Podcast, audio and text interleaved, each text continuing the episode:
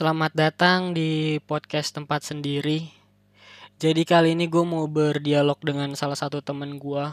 Ini teman dari SMA. Dan karena ini pertama kalinya gue berdialog dengan seseorang gitu. Gue nggak nyiapin skrip apa-apa dan gue nggak mempersiapkan pertanyaan apa-apa. Gue kira awalnya kita bisa sama-sama tektok ngalir aja gitu karena udah teman lama. Dan ternyata menurut gue ceritanya tuh nggak sesuai alur gitu ada melenceng ke mana-mana. Jadi gue ceritain dulu cerita singkatnya. Dia itu bisa dibilang di SMA nggak pinter-pinter banget.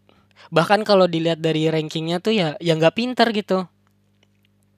Dia bisa ranking 33 waktu kelas 11 dari 36 siswa coba lu bayangin. Tapi sekarang dia bisa kuliah di Universitas Indonesia Fakultas Teknik Mesin dan dia juga sekarang aktif di BEM dan bisa dibilang perjalanannya dia tuh juga nggak mudah sampai di titik itu gitu. Dia sempat kuliah di Unpad jurusan fisika. Tapi satu semester doang dia mutusin buat keluar. Dan di tahun berikutnya dia nyoba SBM lagi. Dia nyoba berjuang terus dia les. Sampai akhirnya tahun berikutnya dia keterima di Fakultas Teknik Mesin itu dan yang mau gue ceritain di sini tuh adalah proses dia gitu gagalnya dia. Sampai dia bisa sekarang kuliah di UI Fakultas Teknik jurusan teknik mesin. Menurut gue itu sesuatu hal yang membanggakan banget sih. Dari dia yang cuman ranking 30 di kelas yang bisa dibilang itu pasti diomelin orang tua sih ranking segitu dan mungkin ketika kita baru lulus SMA tuh sama halnya ketika kita baru putus sama pacar kita gitu. Terkadang kita berlomba-lomba cepet-cepetan, pengen cepet-cepetan punya pacar, cepet-cepetan punya kampus yang bagus. Padahal yang terpenting itu kampus mana yang membawa kita kepada sesuatu hal yang jauh lebih baik ke depannya. Dan langsung aja kita undang temen gue ini Ya, mari memperkenalkan diri dulu. Siapa nih teman gue? Openingnya emang baik ya seperti ini. Amatiran bang. Kenalin kalau gua Iqbar, biasa dipanggil Mas Iqbar. Hmm, temennya Robi sudah lama. Ya gua panggil Baba aja lah ya, nggak enak panggil Robi. Udah biasa manggil Baba. Uh, gue sekarang mahasiswa UI jurusan teknik mesin angkatan 2018 berarti gua semester lima sekarang. Widih anak UI. Cuma kenapa kalau anak UI? Buat orang-orang yang gak kuliah di UI itu wah gitu anak UI. Di kampus ya, aja dulu. Sibuk organisasi apa nih? Nggak sibuk-sibuk banget. Ikut BEM doang. Gila sih lu aktif banget bar. Enggak juga sih tergantung dari perspektif mananya juga. Kalau dibanding sama teman-teman gue gue kayak jauh banget gitu. Karena karena mungkin teman-teman lu tuh jauh lebih hebat. Beda gitu sama lingkungan gue gitu. Di lingkungan gue tuh lu udah hebat gitu. Soalnya gue yakin orang-orang yang kuliah di kampus gue tuh pilihan pertamanya ya kampus lu. Oh iya Iya lah. gue kayak kadang masih suka ngerasa minder gitu, Mbak. Kadang-kadang kalau lagi di kampus gitu. Ya pastilah kan dia. Ada hebat-hebat gitu. Di atas langit masih ada langit, pasti masih ada orang-orang yang lebih hebat lagi gitu. Masih ada Hotman Paris. Masih ada. Tante Erni ada nggak Tante Erni? Udah baru lagi sekarang lu, Mbak. Ya. Tahu dari Akmal tuh gue tuh anjay. Oh iya. Jadi ceritain dong perjuangan lu tuh sampai masuk UI gitu. Kayak lu kan sebelumnya juga pernah kuliah di salah satu universitas negeri juga nih. Dan kenapa sih lu keluar dari kampus itu sebelumnya? Sebelumnya tuh lu kuliah di mana sih? Cerita dong. Sebelumnya gua waktu lulus tahun 2017 gua sempat masuk Unpad dulu satu semester terus gue cabut. Di di Unpad kenapa sih lu keluar di Unpad gitu? Unpad kan juga udah bagus gitu lebih bagus dari universitas gua malah. Oh bagus. Universitasnya. Oh, iya. saya kurang bagus. Jujur jujur aja. Kalau menurut saya kurang kalau menurut Oh, saya. iya. tapi beda ya kalau orang lain mungkin bisa beda eh, persepsi. Soalnya saya sendiri Leko jadi pakai saya sih? Kan gua sendiri. kan ada yang bilang juga bagus nggak bagus menurut lu bukan berarti nggak bagus menurut orang lain kan? Perspektif orang Benar, tuh benar. beda-beda. Bener bener dan bener itu nggak salah sih menurut gue cuman masalah pendapat. Iya sih. Kan karena lagi dengarnya pendapat gua. Iya. mungkin kalau orang lain bilang. Gue mau denger pendapat lu nih. Dari gue sih sebenarnya karena gue observasi sih Bay, ya. Namanya eh, mahasiswa baru kan mau mencoba melihat lingkungannya seberapa cocok sih sama lingkungan gue gitu. Ini bisa nggak sih bikin gue berkembang ke depannya nih supaya ya at least eh, punya future yang lebih baik supaya bisa ngebantu orang banyak. Karena kan eh, kita itu mahasiswa ini eh, dibekali ilmu dibekali kesempatan itu ya mau nggak mau untuk balas budi juga lah ke negara ke rakyat ke orang banyak lah gitu atau paling eh, paling paling enggak kita nggak nyusahin orang lain gitu. Itu sih. Nah eh, kalau gue sih karena gue ngelihat banyak hal yang nggak cocok sama gue kayak dari sistem kemahasiswaan sampai sistem pendidikannya beberapa hal tuh ada yang nggak gue cocok. Sampai akhirnya gue berpikir kayaknya gue udah harus nggak di sini deh gitu.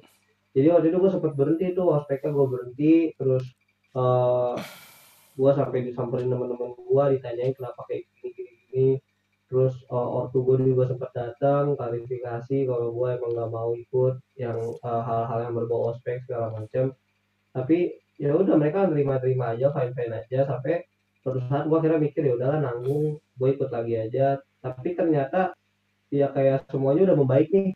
Tapi pas lagi liburan gue ngerasa gue kehilangan cita-cita gue karena waktu gue masuk unpad tuh gue sempet eh, pengen pindah juga sebenarnya. Karena unpad tuh cuma cadangan aja dulu. Jadi gue pengen sebenarnya tuh masuk UGM jadi gue bener-bener masih belajar SBM tuh eh, membagi waktu antara kuliah sama SBM tapi nih ternyata itu nggak eh, nggak turns out well banget. Karena banyak banget hal-hal yang luar dugaan. Kayak misalnya nih ada kuis. Eh, kuis kan kayak ulangan harian gitu kan. Terus ada juga eh, UTS, UAS dan segala macamnya lah gitu. Sampai akhirnya gue ngerasa gue nggak punya waktu. Iya, nah hal ini tuh berlanjut bahkan sampai gue liburan. Liburan gue yang harusnya gue isi dengan hal-hal yang produktif seperti belajar gue justru malah sering nongkrong dan eh, sering lupain masalah gitu deh. Kalau gue tuh masih pengen pindah karena dalam jauh di lubuk hati gue nih di pikiran terdalam gue itu masih ada masih ada secerca harapan kalau gue tuh masih bisa diterima di unpad lah gitu. Karena kan gue nggak keluar dari unpad gitu.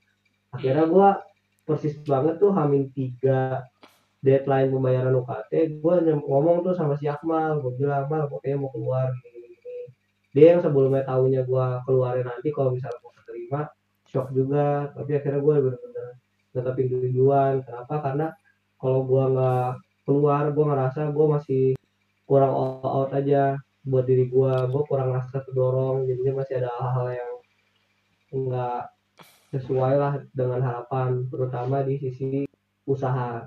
Kalau Tapi- gue sih gitu tapi lu bilang kan lu nggak mau ikut ospek-ospek tuh di Unpad sedangkan lu sekarang BEM Universitas Indonesia gitu lu BEM gue yakin kan tatarannya tuh lebih parah gitu BEM dibandingkan cuman ospek-ospek maba di Unpad gitu. Oh bem bem di sini sih nggak ada tataran tatarannya ya. Cuma ya tergantung beda lingkungan sih mbak. Beda lingkungan sama beda beda pola pikir juga. Eh, dari regional dan segala macam itu berpengaruh banget kok ke pola pikir eh, anak-anaknya sama pola pikir kemahasiswaannya itu berpengaruh banget. Sama sejarah-sejarah mereka tuh berpengaruh banget.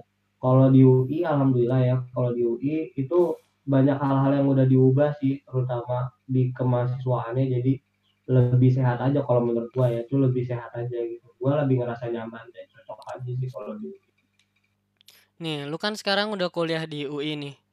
Lu ngerasa kalau lu pinter nggak sih? Apalagi di zaman-zaman SMA dulu gitu. Lu ngerasa kayak kayaknya gue pantas nih sekarang masuk UI gitu Wah, kalau gue balik ke SMA sih gue gak bangga banget, Pak. Jujur-jujur aja sih SMA. gua SMA kan lu sama juga kayak dulu SMA. punya masalah anjir. Masalah lu yang Iya, yang iya. yang pacaran, masalahnya banyak. yang yang lu pacaran diomong diomongin sama salah satu guru terus lu kesel banget.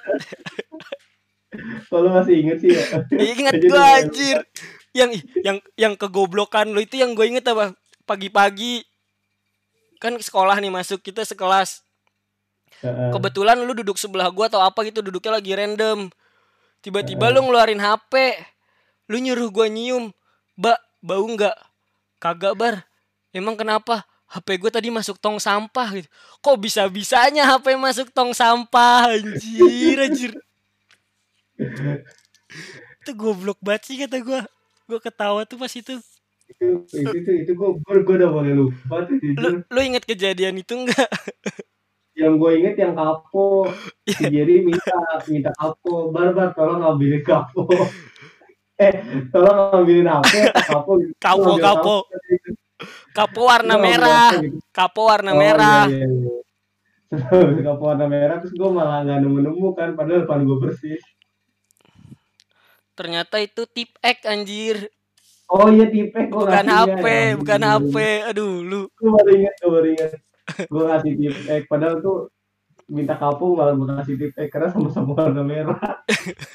itu yang berdua tuh cuman ngeliatin aja. Ini orang ngapain? Mana kapo anjir. terus lu malu sendiri terus kabur anjir jalan gitu. Ya zaman SMA. Seru sih. soalnya SMA juga kurang pinter sih karena gue kurang eh, kurang fokus sama pendidikan aja. Lu SMA tuh dulu ada tutor-tutor tuh lu masuk tutor gak sih? Tutor Hmm. sebaya. Tutor sebaya. Iya. Wah, gue dulu nggak tahu dong. Enggak, enggak, enggak masuk sama sekali. Gue tuh nggak nggak nggak bisa jadi tutor. Gue dulu masuk tut gue gue dulu masuk tutor sebaya anjir padahal gue juga kagak pinter-pinter banget. Oh iya, Iya, gue masuk kelasnya Pak Iwan, tutor sebaya fisika. Terus- Wih. terus eh apa tuh? Yang sekelasnya itu kalau nggak salah sebelah sebelah sebangku gue kayaknya gue masuk sekali doang di waktu itu. Si Imam anjir. Imam tuh udah kayak hatam banget ini kayak rumusnya gini gini gini. Gue kayak gue masih bingung ini apaan anjir. Iya iya iya. iya. Gue Tapi gimana. Imam kan pinter banget tuh anjir. Ah iya. Dan iya, gue iya, gue bagus. dimasukin di situ gitu. Kayak perbedaan kasta ya. Tapi lu Iya. kayak dipaksa untuk masuk ke kastanya dia. Sebenarnya menurut gue tutor sebaya tuh bisa juga bikin yang pinter makin pinter dan yang nggak pinter makin nggak pinter gitu. Bener. Karena tutor sebaya kan sebenarnya tujuannya tuh buat eh yang pinter ngajarin yang nggak pinter, tapi yang pinter dapat jam Iya. pelajaran lebih. Iya, jadi. Yang nggak pinter malah nggak dapat jam pelajaran lebih. Yang nggak pinter belum tentu diajarin. Iya, malah dia min, min- diajarin sama teman sebayanya yang pada Ya, dasarnya nggak nggak seprofesional itu dalam mengajari gitu. Iya. Dan dulu tuh lu Lebih nyambung aja sih. lu kan anak anak UI nih FTUI gitu Iya iya. dulu lu masuk lima besar gak sih di ranking sekolah tuh SMA Ranking gue tuh dulu di bawah lo apa di atas sih gue lupa dah. 30-an ranking Kita- dia tuh. kita lima besar terbawah sih sebenarnya Iya, di bawah satu bawah. Bener-bener. Di bawah satu bawah. lu kelas kelas 11 sih gue inget kelas 11 nih lu Itu sampai ortu gue nggak mau datang lagi ke sekolah sih. Gue nggak mau datang lagi. Gue yang disuruh datang gitu. yang yang kocaknya tuh emak gue tuh cuman tahu nilai kan ya nilai kan pasti 7 kalau nggak 8 ya standar emak gue selalu bilang bagus bagus Serius. iya karena dia nggak tahu nilai yang lainnya tuh lebih bagus dan dia nggak ngelihat ranking gua Oh. padahal dulu Iya, ranking gue 34 waktu kelas 11 dari 36 orang dan lu 33 dulu anjir Ya, gue ingetnya lu, lu tuh di di bawah gue persis ya berarti ya. iya iya Ya, na- nasib gak ada yang tahu sih, Mbak. Nasib, ya. tahu Tapi itu nasib sih. gila sih lu bisa masuk UI dari ranking 33 dari 36 siswa. Keren sih lu Bar dari lima besar terbawah gitu lu bisa tiba-tiba sekarang kuliah di UI gitu. Gue yakin banyak orang yang punya mimpi terlalu tinggi nih, tapi dia nggak sadar tuh posisi dia ada di mana gitu. Dan gimana sih cara lu tuh eh ngatesin kalau orang-orang remehin lu dari lu yang cuman ranking 5 terbawah tiba-tiba lu bisa sekarang masuk UI gitu. Sebelum lu masuk UI ya sebenarnya nih, sebelum masuk UI. Iya iya. Sebenarnya sih bener kata lu sih, Mbak. Sadar. Gua kuncinya di kata sadar itu sih. Uh, ketika gue dulu SMA, gue sadar kalau posisi gue itu sangat gak aman. Uh, gue bodoh banget di pelajaran-pelajaran, terutama kayak pelajaran IPA justru gue malah kayak gak, gak bisa gitu. Kecuali fisikal. Tapi itu itu pun kalau buat sekelas SBM gue masih belum belum begitu nguasain lah gitu. Makanya dulu waktu SMA tuh uh, kenapa gue bisa masuk U4 dulu karena gue ngejar di bahasa Indonesia dulu karena gue ngerasa bahasa Indonesia tuh bisa buat dikuasain asal lu tahu cara caranya gitu sama lu udah latihan banyak gitu akhirnya gue benar-benar latihan di investasi di bahasa Indonesia sama bahasa Inggris. Karena gue ngerasa itu yang bisa gue kejar supaya ngejar anak-anak BTA yang lu tau lah isi anak 8 gitu-gitu yang uh, nilai TO-nya tinggi-tinggi. Nah dari situ gue ambil pelajaran kalau kita tuh harus tahu sendiri posisi kita di mana. Kita tuh udah tertinggal sejauh apa sih gitu loh. Dan gimana cara kita tuh bisa catch up. Karena buat catch up sama anak 8 itu gua rasa gua nggak bakal bisa sih kalau harus up full fully gua bener-bener kayak mereka tuh nggak bisa. Karena kan selama dua bulan gue berkembang saingan gue juga dua bulan berkembang juga buat nyiapin SBM jadi gue harus berpikir cara lain gimana supaya dalam dua bulan ini gue bisa lebih berkembang daripada mereka gitu. Kalau dan itu gua jalanin pakai tadi gue belajar bahasa Indonesia gitu. Dengan strategi-strategi tertentu gue harus bisa sama seperti mereka. Dan cara itu pun gue pakai lagi ketika gue mau uh, pindah uh, atau lebih tepatnya dapetin di UI ya gitu. Itu gue pun uh, melakukan hal itu juga. Bahwa ketika ini gue kurangnya di mana sih gitu. Dan apa sih yang bisa gue kejar? Apa sih yang nggak bisa gue kejar? Karena pas uh, gua ngulang lagi gue SBM lagi gue nggak bisa kimia sama sekali jadi gue cuma benar-benar belajar kimia dari luarnya aja. Core-nya gue belajar fisika dikuatin sama biologi gitu. Dan gue benar-benar nemuin gimana sih nih uh, pola belajar gue yang enak gitu. Kayak orang-orang mungkin enak kalau biologi belajar nyatet segala macam tapi ternyata buat gue itu nggak doesn't work at all gitu. Gue harus biologi gue harus bisa ngobrol sama gurunya. Dengan ngobrol gue ternyata lebih masuk di otak gue dibanding gue harus mencatat gitu. Jadi temuin aja pola belajar buat uh, meraih cita-cita lo itu sih kalau dari gue nah kan lu tuh ada di posisi terbawah waktu itu. Gue yakin tuh orang-orang tuh pasti banyak yang nggak percaya sama lu bar. Kayak Iqbar bisanya apa sih? Apalagi mental mental masyarakat mayoritas tuh kayak gitu. Ketika kita baru memulai baru baru memulai sesuatu hal dan gue yakin ketika kita baru memulai itu pasti hasilnya tuh jelek dan orang yeah, lain yeah, tidak benar, bisa menerima benar. itu gitu. Harusnya tuh orang lain nge-support gitu. Cuman kan orang-orang banyak yeah. yang kayak gitu nggak nggak kayak nggak nge-support. Dan gimana cara lu ngehadepin omongan orang-orang yang remehin lu itu? Sebenarnya itu bagus juga sih karena mereka pengennya ideal gitu. Kayak mereka pengennya gue diterima di universitas bagus mereka pengennya lu diterima di universitas bagus itu berprestasi gitu. Emang lingkungan kita memaksa kita buat itu sih tapi ya kalau dari gue bukan masalah mendengarkan dan menyesuaikan apa kata mereka tapi kalau dari gue sendiri mencoba memahami apa yang kurang dari lu. Karena masyarakat itu kan memberikan masukan ya. Masyarakat oh, iya, itu iya. nggak nggak juga orang jauh sih bisa juga orang terdekat lu. Salah satunya dari lu juga kalau dari gue ya. Itu bisa lu bisa Akmal bisa Radius bisa teman-teman gue yang lain yang uh, emang berpengaruh lah kata-katanya di gue gue bisa ngambil masukan-masukan dari mereka yang belum tentu gue telah mentah-mentah tapi berpengaruh sih di gue gitu mungkin secara tidak langsung juga masyarakat tuh mengkritik kita buat menjadi seseorang yang lebih baik gitu ya Mm-mm. Tapi kalau misalnya lu ngerasa ada hal-hal yang lu udah bener nih kayaknya gitu loh dan kalau misalnya lu ubah lagi cuman akan memperburuk keadaan ya lu nggak perlu ubah gitu sih. Hmm. kan lu sekarang nih BEM tingkat universitas nih di UI gile anak organisasi banget gitu. Sedangkan gue tuh Hmm. di kampus kupu-kupu doang. Apa sih hal-hal yang lu pelajarin tuh di organisasi itu yang inti-intinya aja? Yang bener-bener ngelekat di dalam tubuh lu tuh.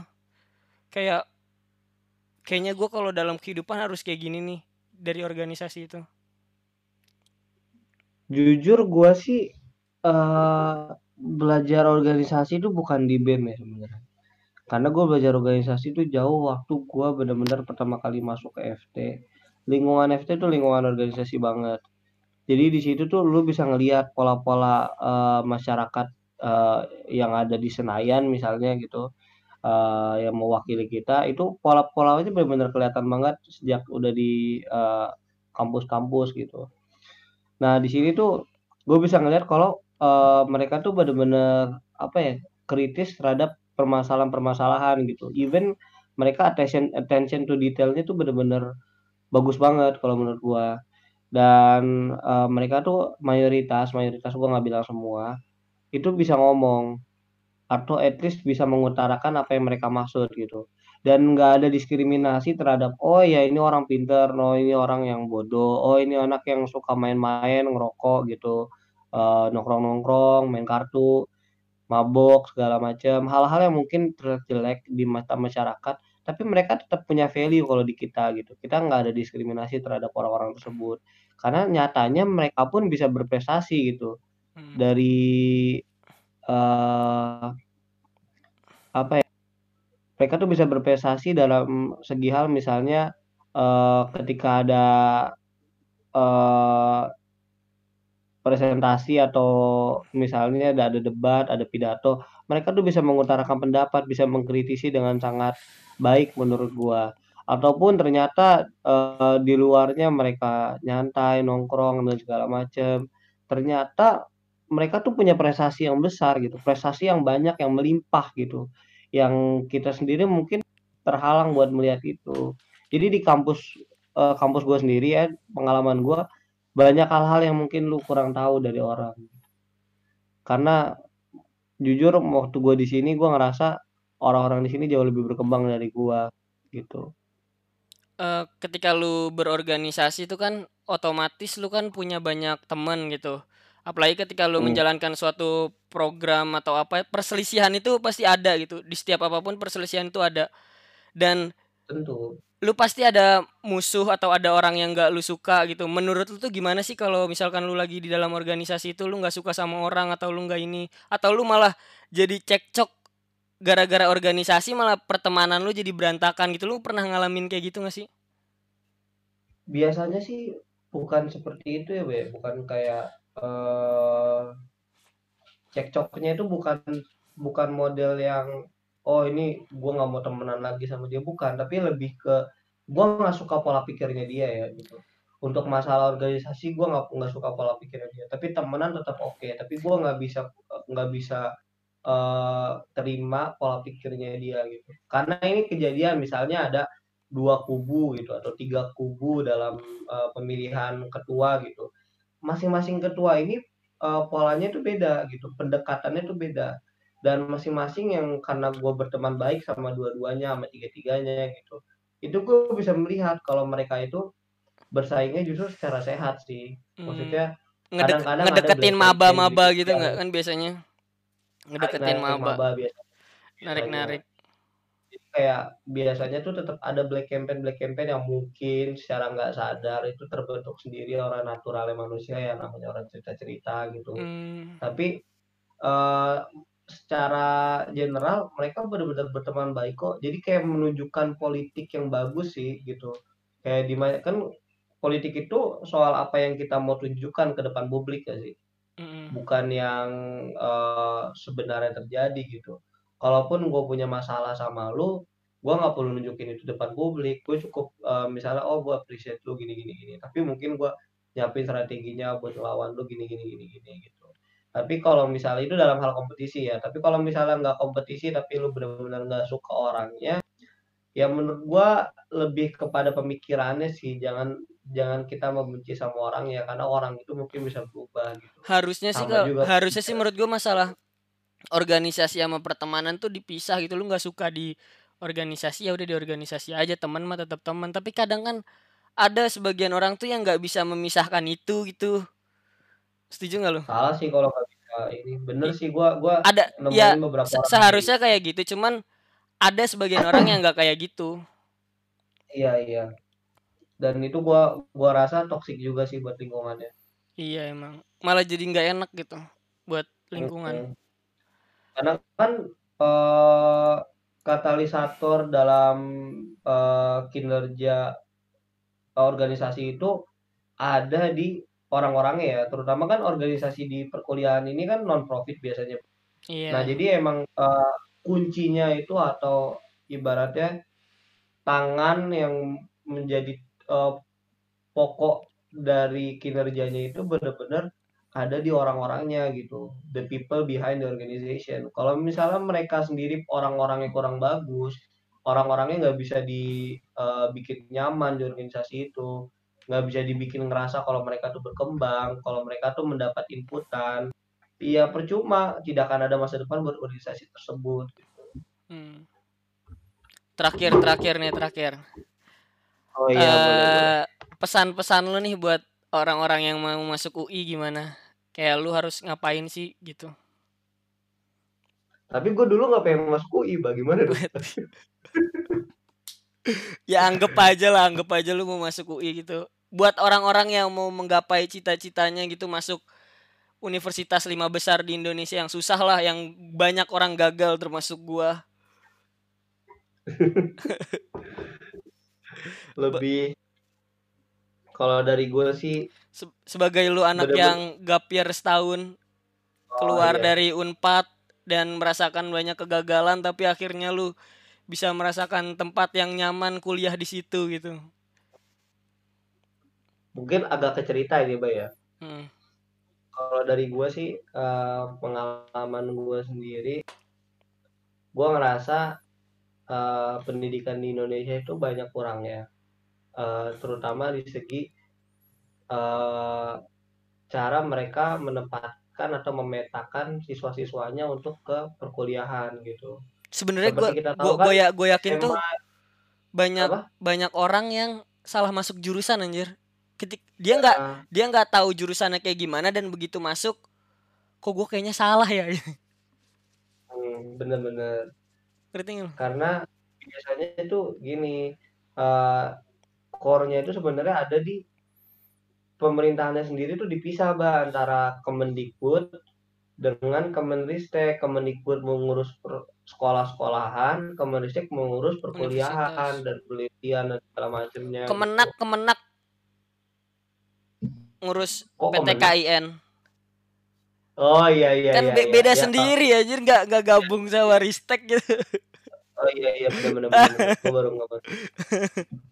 Nah, iya jadi kayak ketika dipisah-pisahkan terus kayak gitu tuh yang bikin anak-anak yang misalnya diurus sama Kemendikbud, siswa-siswa sekolah ini kurang transparansi karena Kemendikbudnya mungkin kurang uh, ada jalinan gitulah karena kan pola pikir mereka pasti beda dong kementerian ini sama kementerian yang A sama B pasti beda gitu pola pola pikirnya.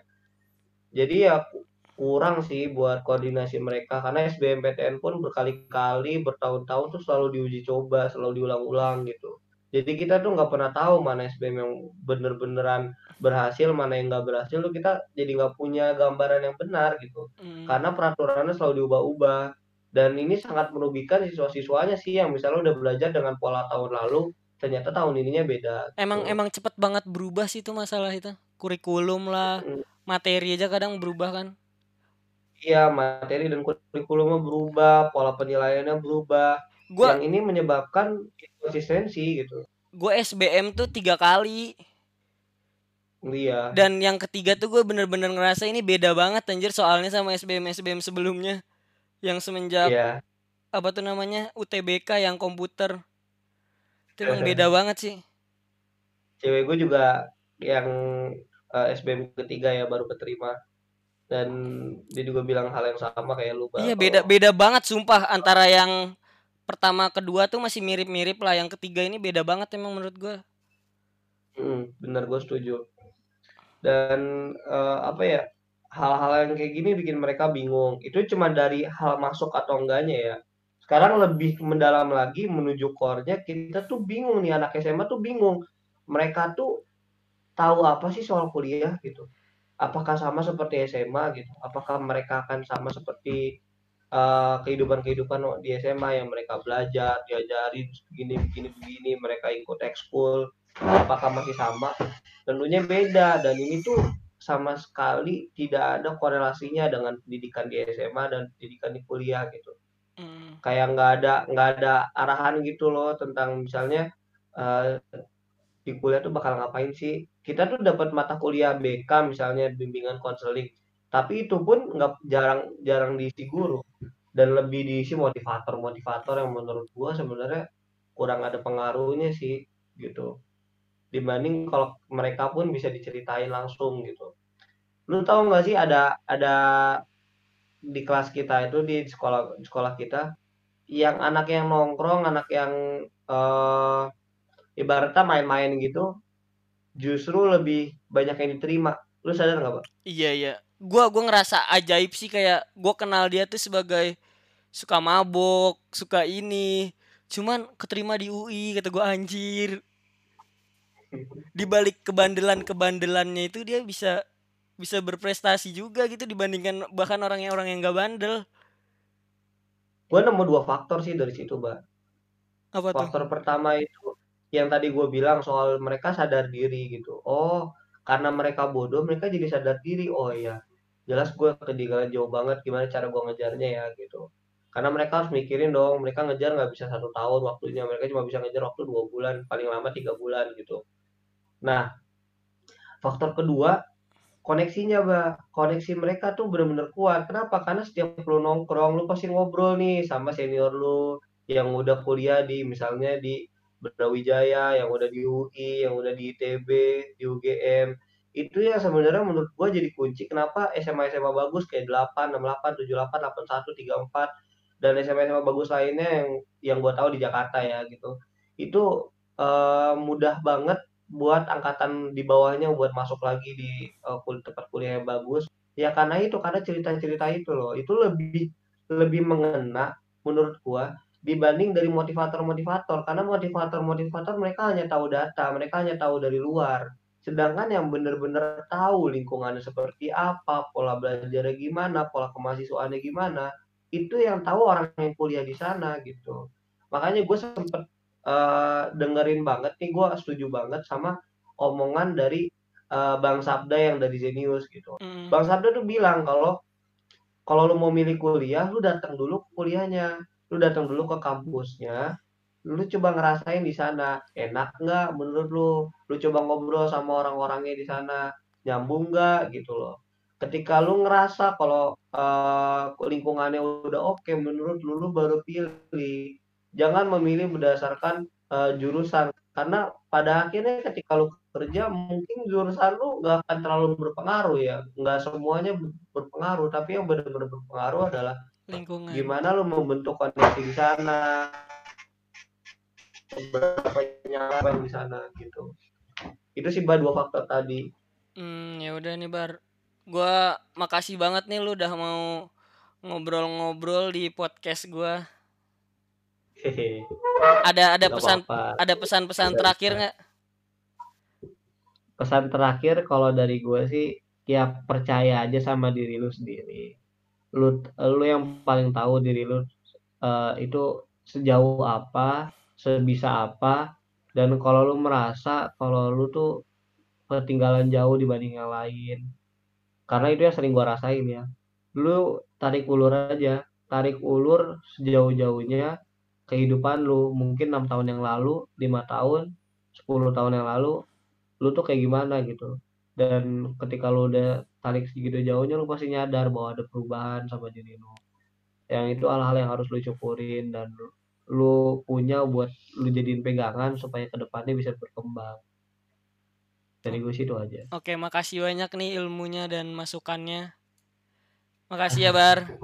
Gue ingetin sekali lagi buat kalian yang berkenan buat cerita di podcast ini bisa kirim cerita kalian di tempat dot sendiri 09 at gmail.com atau DM aja langsung di Instagram tempat sendiri. Gue gue pastiin cerita kalian bakal gue baca dan gue dengerin. Thank you.